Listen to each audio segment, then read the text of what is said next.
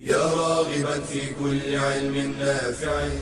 ينمو العلم ويتقدم بتقنياته ومجالاته ومعه نطور أدواتنا في تقديم العلم الشرعي.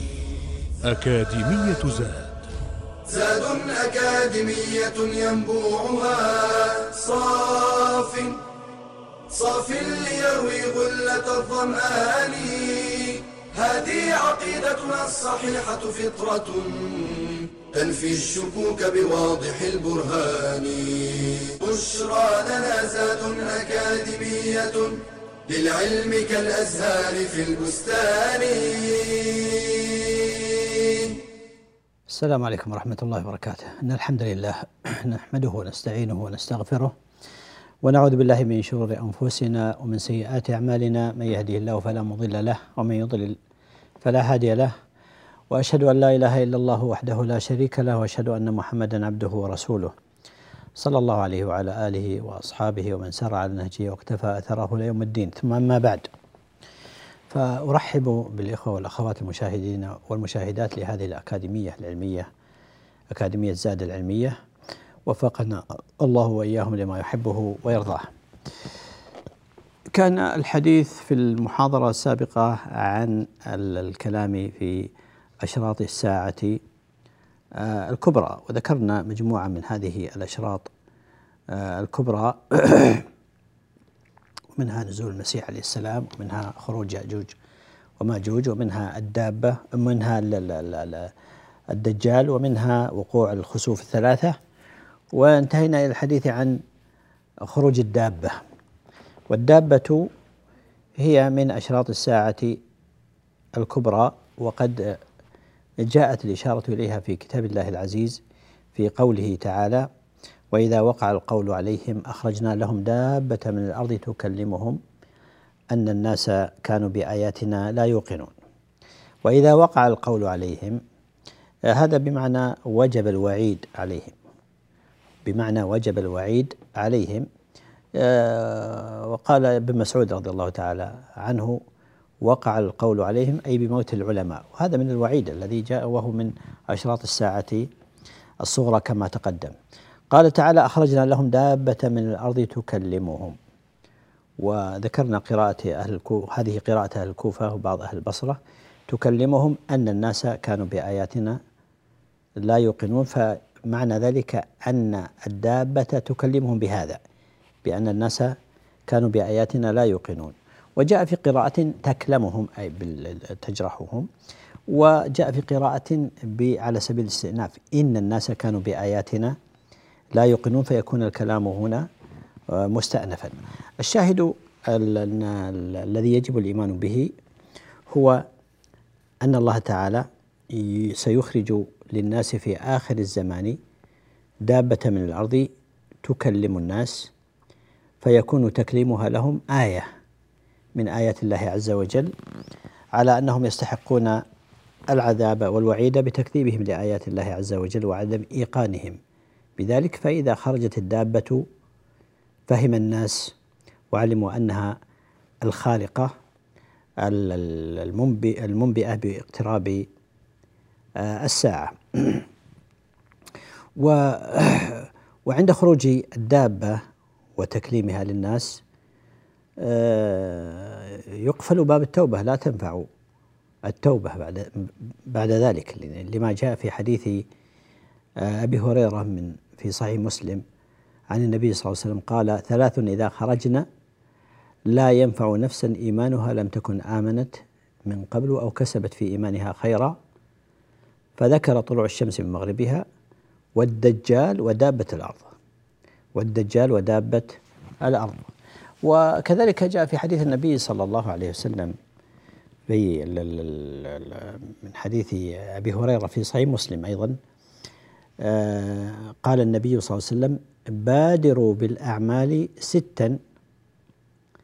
وذكر هذه الست قال طلوع الشمس من مغربها أو الدخان أو الدجال أو الدابة أو خاصة أحدكم أو أمر العامة. وخاصة أحدكم يعني موته يعني يموت الإنسان فيبادر بالأعمال قبل موته.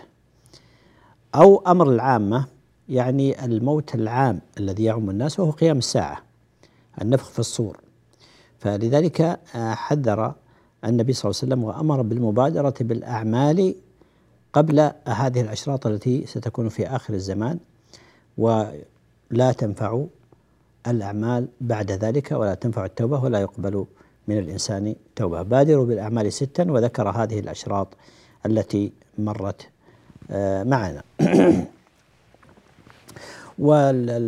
وينبغي التنبيه إلى أنه لم يثبت حديث صحيح في وصف الدابة وما ذكر من أوصاف عنها فإنما هي من الآثار التي لا تقوم بها حجة لأن هذا أمر غيبي.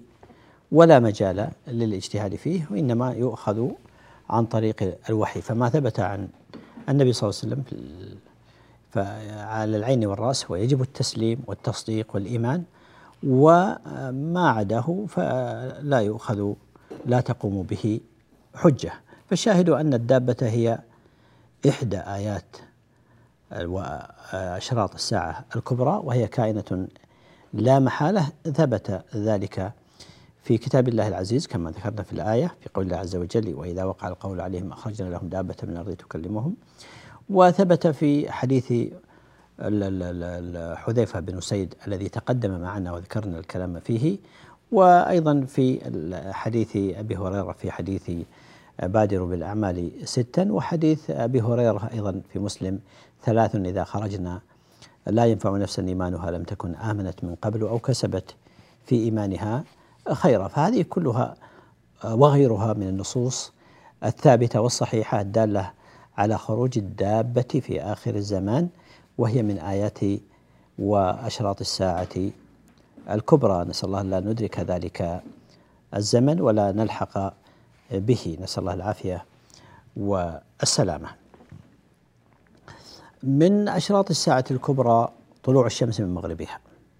طلوع الشمس من مغربها وقد جاء ذاك في حديث النبي صلى الله عليه وسلم لا تقوم الساعة حتى تطلع الشمس من مغربها فإذا طلعت فرآها الناس آمنوا جميعا آمنوا جميعا فذلك حين لا ينفع نفسا إيمانها لم تكن آمنت من قبل أو كسبت في إيمانها خيرا أو كسبت في إيمانها خيرا. والحديث هذا آه، متفق عليه وهي كما أسلفنا هي من آه، أوائل الآيات المؤذنة والمبينة لتغير العالم العلوي. تغير العالم العلوي. فبعد أن يعني كانت سنة الله في هذا الكون أن الشمس تشرق من المشرق وتغرب في المغرب ينقلب هذا الكون فتخرج الشمس نسأل الله العافية والسلامة من المغرب وتتجه إلى المشرق. هنا يقفل باب التوبة. نسأل الله العافية والسلامة. ولا ينفع نفسا إيمانها لم تكن آمنت من قبل أو كسبت في إيمانها. آه، خيرا. وهذه الآية والشرط الشرط وهو طلوع الشمس من مغربها. ذكره الله عز وجل في قوله يوم يأتي بعض آيات ربك آه، لا ينفع نفسا إيمانها لم تكن آمنت من قبل أو كسبت في إيمانها خيرا. وقد فسرها النبي صلى الله عليه وسلم بحديثه في أنه حين تطلع الشمس من مغربها ودل على ذلك أيضا حديث النبي صلى الله عليه وسلم بادروا بالأعمال ستا وذكر منها طلوع الشمس من مغربها. وفي هذه الحال وفي هذه عند ظهور هذا الشرط فإن باب التوبة يختم عليه ولا يقبل من أحد آه، توبة ولا إيمان ولا عمل صالح بعد ذلك. نسأل الله العافية والسلامة. وهذا صريح الآية لا ينفع نفسا إيمانها. لم تكن آمنت من قبل أو كسبت في إيمانها خيرا. فاصل ثم نعيد نعود لاستكمال ما بقي من إشارات لبعض آه، هذه الأشراط. نسأل الله أن يلطف بنا وألا ندرك تلك الأزمان الرهيبة شديدة الفتنة. إنه ولي ذلك والقادر عليه والله أعلم. وصلى الله وسلم على نبينا محمد وعلى آله وصحبه أجمعين. بشرى لنا أكاديمية للعلم كالأزهار في البستان.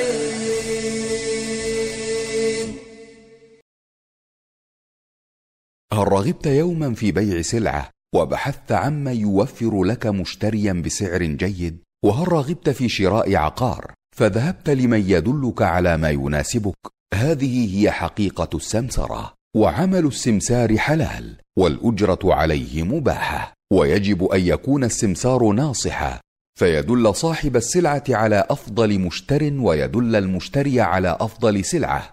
مصداقا لقول النبي صلى الله عليه وسلم الدين النصيحة. ويجب أن يكون صادقا في وصف السلعة فلا يغالي فيها ولا يحط من قدرها ليجامل من وسطه بائعا كان أو مشتريا. وإذا حكماه في تقدير ثمن السلعة فليقومها بالعدل فهي شهادة وأمانة.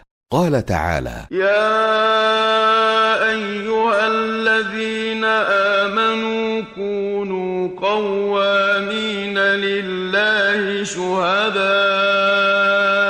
بالقسط. وإذا عمل السمسار لأحد المتعاقدين لم يجز له أن يتواطأ مع الطرف الآخر على زيادة السعر أو إنقاصه فهذا غش وخيانة. لا سيما إذا تولى السمسار العقد لأنه وكيل مؤتمن. ويأخذ السمسار أجرته من البائع أو المشتري أو منهما بحسب الشرط أو العرف. فإذا لم يكن شرط ولا عرف فالأجرة على من وسطه منهما. ويجب أن تكون الأجرة معلومة بأن تكون مبلغا مقطوعا كعشرة أو نسبة مئوية من ثمن السلعة كاثنين بالمئة مثلا. أو يقول له بعه بمئة وما زاد فهو لك.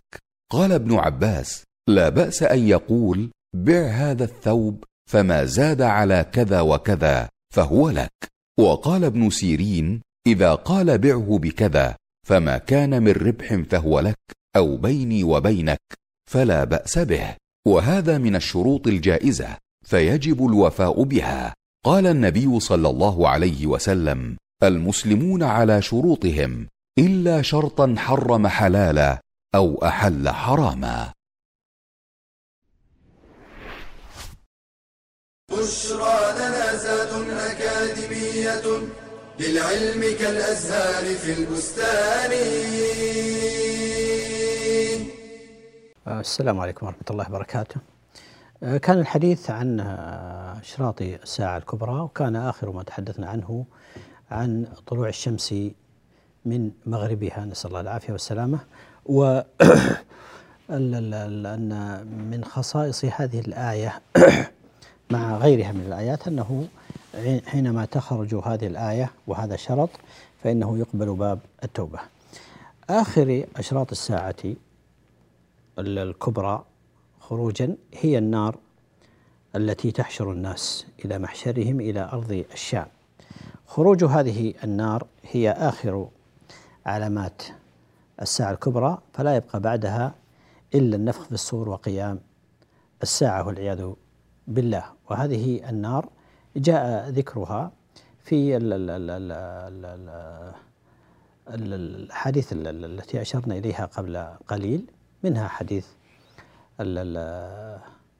حذيفة بن سيد وتكرر معنا كثيرا ومنها حديث أبي هريرة بادروا بالأعمال ستا وذكر منها طلوع الشمس من مغربها أو الدخان أو الدجال أو الدابة أو خاصة أحدكم أمر العامة وجاء في ال ال ال ال ال ال ال يعني في في النار, النار التي تحشر الناس في آه، إلى المحشر حديث أسيد أو حذيفة بن أسيد الذي تقدم أما حديث بادروا بالأعمال الستة فليس فيه آه، معذرة ليس فيه آه، ذكر النار التي تحشر الناس إلى محشرهم وجاءت نصوص أخرى كثيرة في هذا الأمر مر يعني بعضها وسيأتي الإشارة إلى شيء منها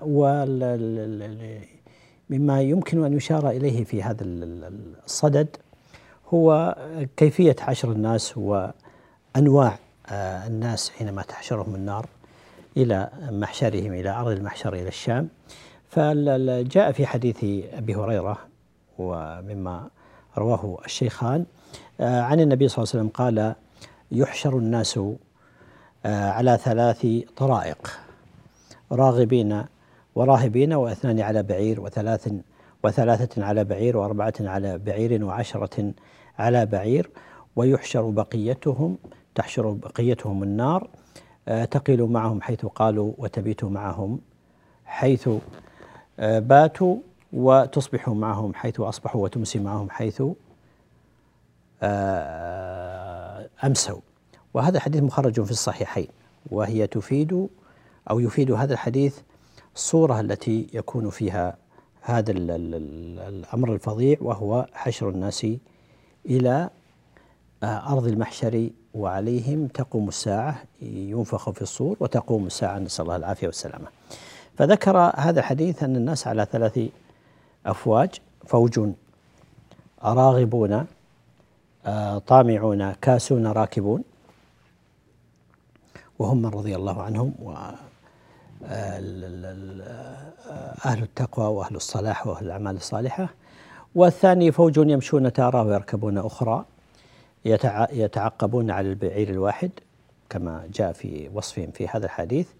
والفوج الثالث نسأل الله العافية والسلامة وهم الذين تحشرهم الناس النار فتحيط بهم من ورائهم.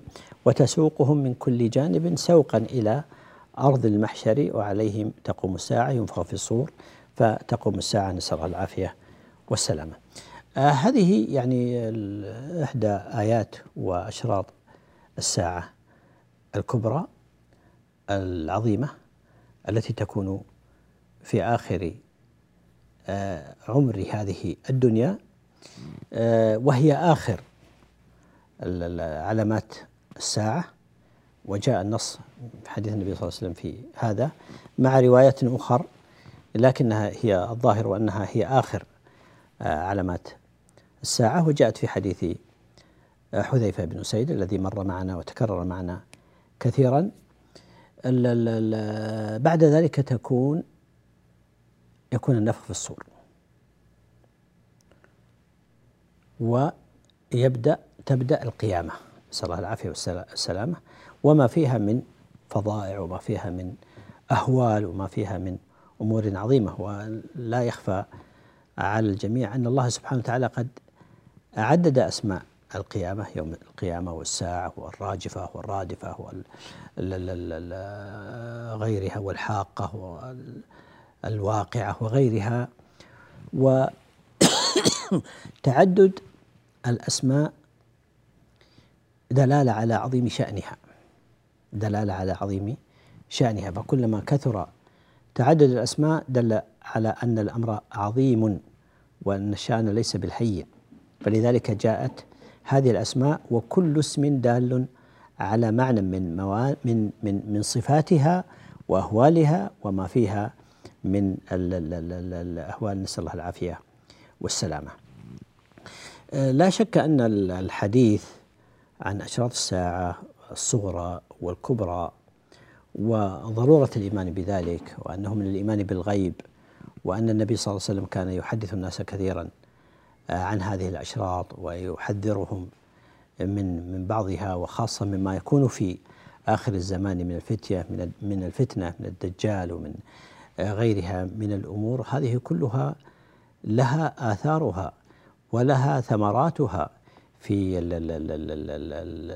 الإيمان المؤمن فلها تأثير ظاهر جدا في سلوكه في حياته في استقامته على طاعة ربه سبحانه وتعالى في الاستعداد لملاقاة الله سبحانه وتعالى في لأن القيامة كما مر معنا القيامة قيامتان قيامة صغرى وهي موت الإنسان فمن مات قامت قيامته فلا بد أن يكون أن يعد للأمر عدته ما دام في زمن المهلة من توبة وإنابة واستثمار للأوقات والصحة والفراغ في التقرب إلى الله سبحانه وتعالى بشتى أنواع العبادة والقربات حتى قبل أن يفجأه الأجل ثم ينقطع العمل. أو القيامة الكبرى وهي نسأل الله العافية والسلامة العامة على جميع الناس وعندها يقفل باب التوبة وتقفل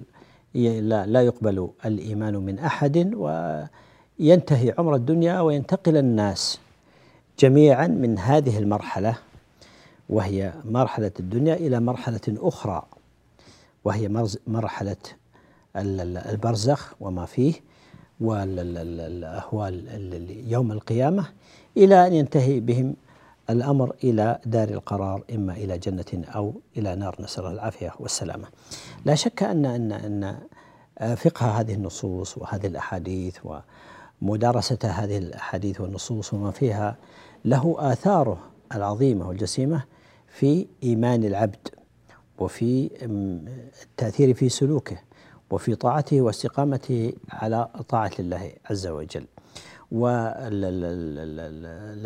نفرد أو نخص بالحديث عن آثار وثمرات الإيمان بإشراط الساعة نخص بها الحديث بعد قليل بعد الفاصل في التوسع في في في بيانها في محاولة تلمس ما يجب أن أن نستفيد منه في مدرستنا لمثل هذه القضايا الغيبية التي آه، كما قلنا آه، سأل جبريل النبي صلى الله عليه وسلم عنها في آخر حياته صلى الله عليه وسلم للتنبيه على أهميتها وعلى ضرورة الاستعداد لها وعلى آه، أنه لا بد من إعداد العدة لملاقاة الله سبحانه وتعالى إما بالقيامة الصغرى وهذه القريبة وإما بالقيامة الكبرى وهذه العظيمة التي تنقل الناس جميعا من هذه الدنيا وتنتهي هذه المرحلة بكليتها والانتقال إلى مرحلة أخرى. من حياة الإنسان الخاصة ومن حياة البشرية عموما العامة بالقيامة آه، الكبرى. لا شك أن الاهتمام بأشراط الساعة ومدارستها والفقه آه، معانيها والتعامل معها من الأمور التي نحن أحوج ما نكون إليها مع للأسف التقصير في طرحها في دراساتنا وفي محاضراتنا وفي دروسنا. وهذا خلل ظاهر جدا. النبي صلى الله عليه وسلم كان لا يترك فرصة إلا وبيان هذا الأمر والتحذير منه والأمر بالاستعداد له. نسأل الله أن يلطف بنا جميعا وأن يوفقنا لما يحبه ويرضاه. فاصل ثم نعود إليكم بعد ذلك لنتحدث عن بعض آثار وثمار آه، أشراط الإيمان بأشراط الساعة. فإلى ذلك الحين نستودعكم الله. بشرى أكاديمية. للعلم كالأزهار في البستان.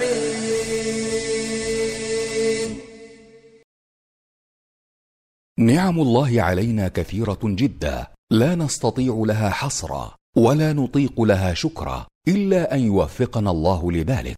قال تعالى وإن تعدوا نعمة الله لا تحصوها إن الإنسان لظلوم كفار. وإن من النعم ما هو معتاد متكرر ومنه ما هو متجدد. فإذا تجددت للعبد نعمة أو اندفعت عنه نقمة فيستحب له أن يسجد لله شكرا. فقد كان النبي صلى الله عليه وسلم اذا جاءه أمر سرور أو بشر به خر ساجدا شاكرا لله. وسجد أبو بكر لما أتاه فتح اليمامة وسجد علي بن أبي طالب عندما انتصر على الخوارج وسجد كعب بن مالك لما جاءته البشرى بتوبة الله عليه. وليس له حكم الصلاة فلا يشترط له طهارة ولا غيرها من شروط الصلاة بل يسجد ويقوم بلا تكبير ولا تشهد ولا تسليم ويقول في سجود الشكر سبحان ربي الأعلى ثلاثا أو أكثر. ويدعو بما شاء كما يفعل في سجود الصلاة. فاحرص على شكر الله على نعمه وتعبد لله بذلك فإنما تحفظ النعمة بالشكر. قال تعالى وإذ تأذن ربكم لئن شكرتم لأزيدنكم ولئن كفرتم إن عذابي لشديد. بشرى لنا زاد أكاديمية للعلم كالأزهار في البستان السلام عليكم ورحمة الله وبركاته. أشرنا في ما تقدم في الحديث عن بقية أشراط الساعة الكبرى وقلنا إن إن هذا الجانب وهذه المسألة من مسائل العقيدة المهمة جدا التي كان للنبي صلى الله عليه وسلم فيها لها أو كان النبي صلى الله عليه وسلم يعطيها جل اهتمامه صلى الله عليه وسلم في مدارستها وفي التنبيه عليها وفي الإشارة إلى شيء من فقهها وما يترتب على ذلك. هذا كله يجرنا إلى أن نتحدث عن شيء من التفصيل ببعض ثمرات الإيمان بأشراط الساعة. وأول هذه الثمرات بلا شك هو أنه أن الإيمان بها هو تحقيق ركن من أركان الإيمان بالله عز وجل وهو الإيمان باليوم الآخر من أركان الإيمان وهو الإيمان باليوم الآخر باعتبار أن أشراط الساعة آه، من مقدماته كما أنها من الإيمان بالغيب. ولذلك قلنا بأنها بأن أشراط الساعة تدخل في الإيمان من جهتين. الجهة الأولى أنها من الإيمان بالغيب الذي أمرنا الله سبحانه وتعالى بالإيمان به وأثنى على المتقين الذين يؤمنون بالغيب. جعلنا الله وإياكم منهم. والأمر الثاني أنها من الإيمان باليوم الآخر وهو أحد أركان الإيمان الستة وهو السادس. وكذلك ما أخبر به النبي صلى الله عليه وسلم في حديث جبريل الذي تقدم الحديث عنه وذكره في أكثر من مناسبة فيما تقدم من محاضرات تتعلق في هذا الموضوع. فالخلاصة أن الإيمان بأشراط الساعة هو تحقيق لأحد أركان الإيمان وهو الإيمان باليوم الآخر. وعلاقة هذا بالإيمان باليوم الآخر هو أنه من مقدماته كما أنه من الإيمان بالغيب الذي آه، أثنى الله سبحانه وتعالى على المؤمنين آه، به. من هذه الثمرات مما يمكن أن يشار إليه هو أن وقوع تلك المغيبات التي أخبر بها النبي صلى الله عليه وسلم أمته على النحو الذي جاءت به النصوص دليل على نبوة النبي صلى الله عليه وسلم وأنه ما ينطق عن الهوى إن هو إلا وحي يوحى. فهناك آيات وأشراط وقعت في عهد النبي صلى الله عليه وسلم أخبر بها عليه الصلاة والسلام ووقعت كما أخبر فكانت آية ودليل على صدقه صلى الله عليه وسلم وعلى إثبات نبوته. ومر معنا من الأمثلة على ذلك قضية انشقاق القمر. لما طلبت قريش آية من النبي صلى الله عليه وسلم كان انشقاق القمر فكان فلقتين حتى رأوا الجبل جبل حراء من بين الفلقتين وهو آية وشرط من أشراط الساعة. وكذلك مثلا في آه، قضية الروم وأنهم سيغلبون آه، الفرس وغلبت الروم في أدنى الأرض وهم من بعد غلبهم سيغلبون في بضع سنين. ووقع كما أخبر النبي صلى الله عليه وسلم وهذه آية من آيات صدق نبوته صلى الله عليه وسلم وقصة قريش وتكذيبها لهذا الأمر آه، وحديثها مع آه، مع أبي بكر رضي الله تعالى عنه وقال إن كان قد قاله فقد صدق وحصل ما أخبر به النبي صلى الله عليه وسلم كما أخبر عليه الصلاة والسلام ونزل ذلك في أول سورة الروم كما هو معروف. فالشاهد من هذا كله أن وقوع تلك المغيبات على النحو الذي جاءت به الأحاديث يثبت الإيمان ويقويه ويزيده وهو من دلائل نبوة النبي صلى الله عليه وسلم من دلائل ثبوت نبوته صلى الله عليه وسلم. وهذه من الأمور التي يعني آه، الآيات التي وقعت في عهد النبي صلى الله عليه وسلم وأدركها المشركون وأدركها الصحابة رضوان الله تعالى عليهم أو الآيات التي أخبر عنها النبي صلى الله عليه وسلم ووقعت كما أخبر النبي صلى الله عليه وسلم بعد وفاته عليه الصلاة والسلام. فكلها آيات دالة على ثبوت نبوته صلى الله عليه وسلم وهذا مما يزيد تقوية الإيمان في القلب وعلى زيادة الإيمان وعلى يعني اليقين الجازم الذي لا مرية فيه أن ما جاء به النبي صلى الله عليه وسلم فهو من عند الله عز وجل لا مرية في ذلك ولا شك ولا ريب. يمكن أن يقال وأن يشار إلى أن من هذه الثمرات أيضا هو إشباع الرغبة الفطرية. في الإنسان إلى تطلع الاستكشاف أو استكشاف ما غاب عنه من الأمور استشراف الغيب والأمور التي لم تقع بعد ماذا سيكون في المستقبل من الوقائع. فجاءت هذه ال ال ال الأشراط والآيات تشير إلى ما سيكون. من أمور آه، تكون هي كالتنبيه إلى انتهاء عمر هذه الدنيا وانتقال الناس إلى آه، دار أخرى وحياة أخرى آه، لها ميزاتها ولها خصائصها ولها واقعها المختلف تماما عن ذلك. فهي إخبار وبلغة العصر استشراف للمستقبل ماذا سيكون فيه؟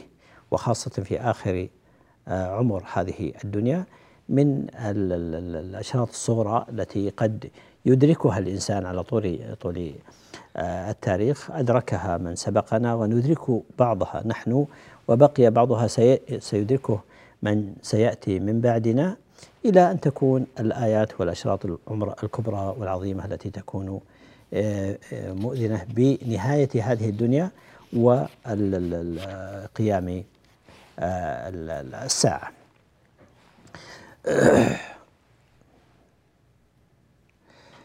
تقدم الإشارة إلى أن من هذه الثمرات أن ما أخبر به النبي صلى الله عليه وسلم من المغيبات هي من من آه، دلائل إثبات نبوته صلى الله عليه وسلم. وقد ذكر العلماء أن من دلائل نبوة النبي صلى الله عليه وسلم أنه قد أخبر عن أمور غيبية ووقعت كما أخبر عليه الصلاة والسلام. وأشراط الساعة التي وقعت في عهد النبي صلى الله عليه وسلم أو بعده كلها داخلة في مفهوم هذا الدليل وهو الإخبار بالمغيبات التي لا يمكن أن يعرفها إلا عن طريق الوحي من الله سبحانه وتعالى فدلت تلك على إثبات نبوته صلى الله عليه وسلم. وهذه آية عظيمة من الآيات الدالة على إثبات نبوته عليه الصلاة والسلام هو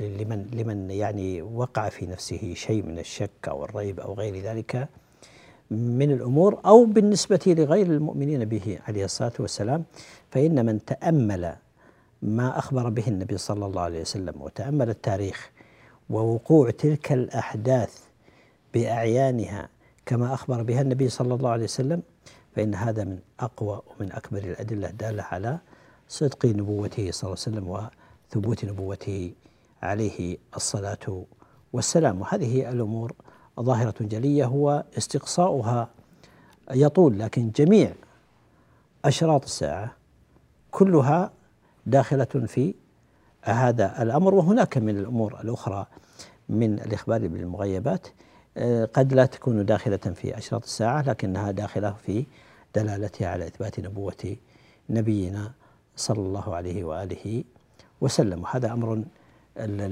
نص عليه العلماء وذكروه في كتبهم في دلائل النبوة في دلائل نبوة النبي صلى الله عليه وسلم ككتاب الماوردي وغيره من العلماء الذين ألفوا وكتبوا في دلائل نبوته صلى الله عليه وسلم. وهذه قضايا معروفة في سيرة النبي صلى الله عليه وسلم ومعروفة في الحديث عن إثبات شهادة أن محمد رسول الله صلى الله عليه وسلم والإيمان برسالته عليه الصلاة والسلام فهي من هذه الأدلة العظيمة التي جاءت دالة وقاطعة وحاسمة لكل من كان في قلبه ريب أو شك أو يعني تردد في قضية إثبات نبوته صلى الله عليه وسلم لأنه لا يمكن أن يعرف الغيب إلا عن طريق الوحي من الله سبحانه وتعالى ودلالة النصوص وإعلام الله سبحانه وتعالى به بذلك. وما ينطق عن الهوى إن هو إلا وحي يوحى فكل ما أخبر به صلى الله عليه وسلم من هذه الأمور فهذا من عند الله سبحانه وتعالى الذي يعلم السر وأخفى والمطلع على الغيب سبحانه وتعالى ومن ذلك ما سبق الكلام عليه في هذه الأمور. فإذا من خلاصة من أن الإخبار عن هذه الأمور المستقبلية كلها وواقعة كما أخبر بها النبي صلى الله عليه وسلم كلها داخلة في مفهوم دلائل النبوة وإثبات نبوة النبي صلى الله عليه وسلم. بهذا نكون قد انتهينا من هذه المحاضرة. إلى أن نلتقي إن شاء الله في محاضرة مقبلة إن شاء الله. أستودعكم الله الذي لا تضيع ودائعه والسلام عليكم ورحمة الله وبركاته. يا راغبا في كل علم نافع. ينمو العلم ويتقدم بتقنياته ومجالاته ومعه نطور أدواتنا في تقديم العلم الشرعي. أكاديمية زاد. زاد أكاديمية ينبوعها. صاف صاف ليروي غلة الظمآن. هذه عقيدتنا الصحيحة فطرة تنفي الشكوك بواضح البرهان. بشرى لنا زاد أكاديمية للعلم كالأزهار في البستان.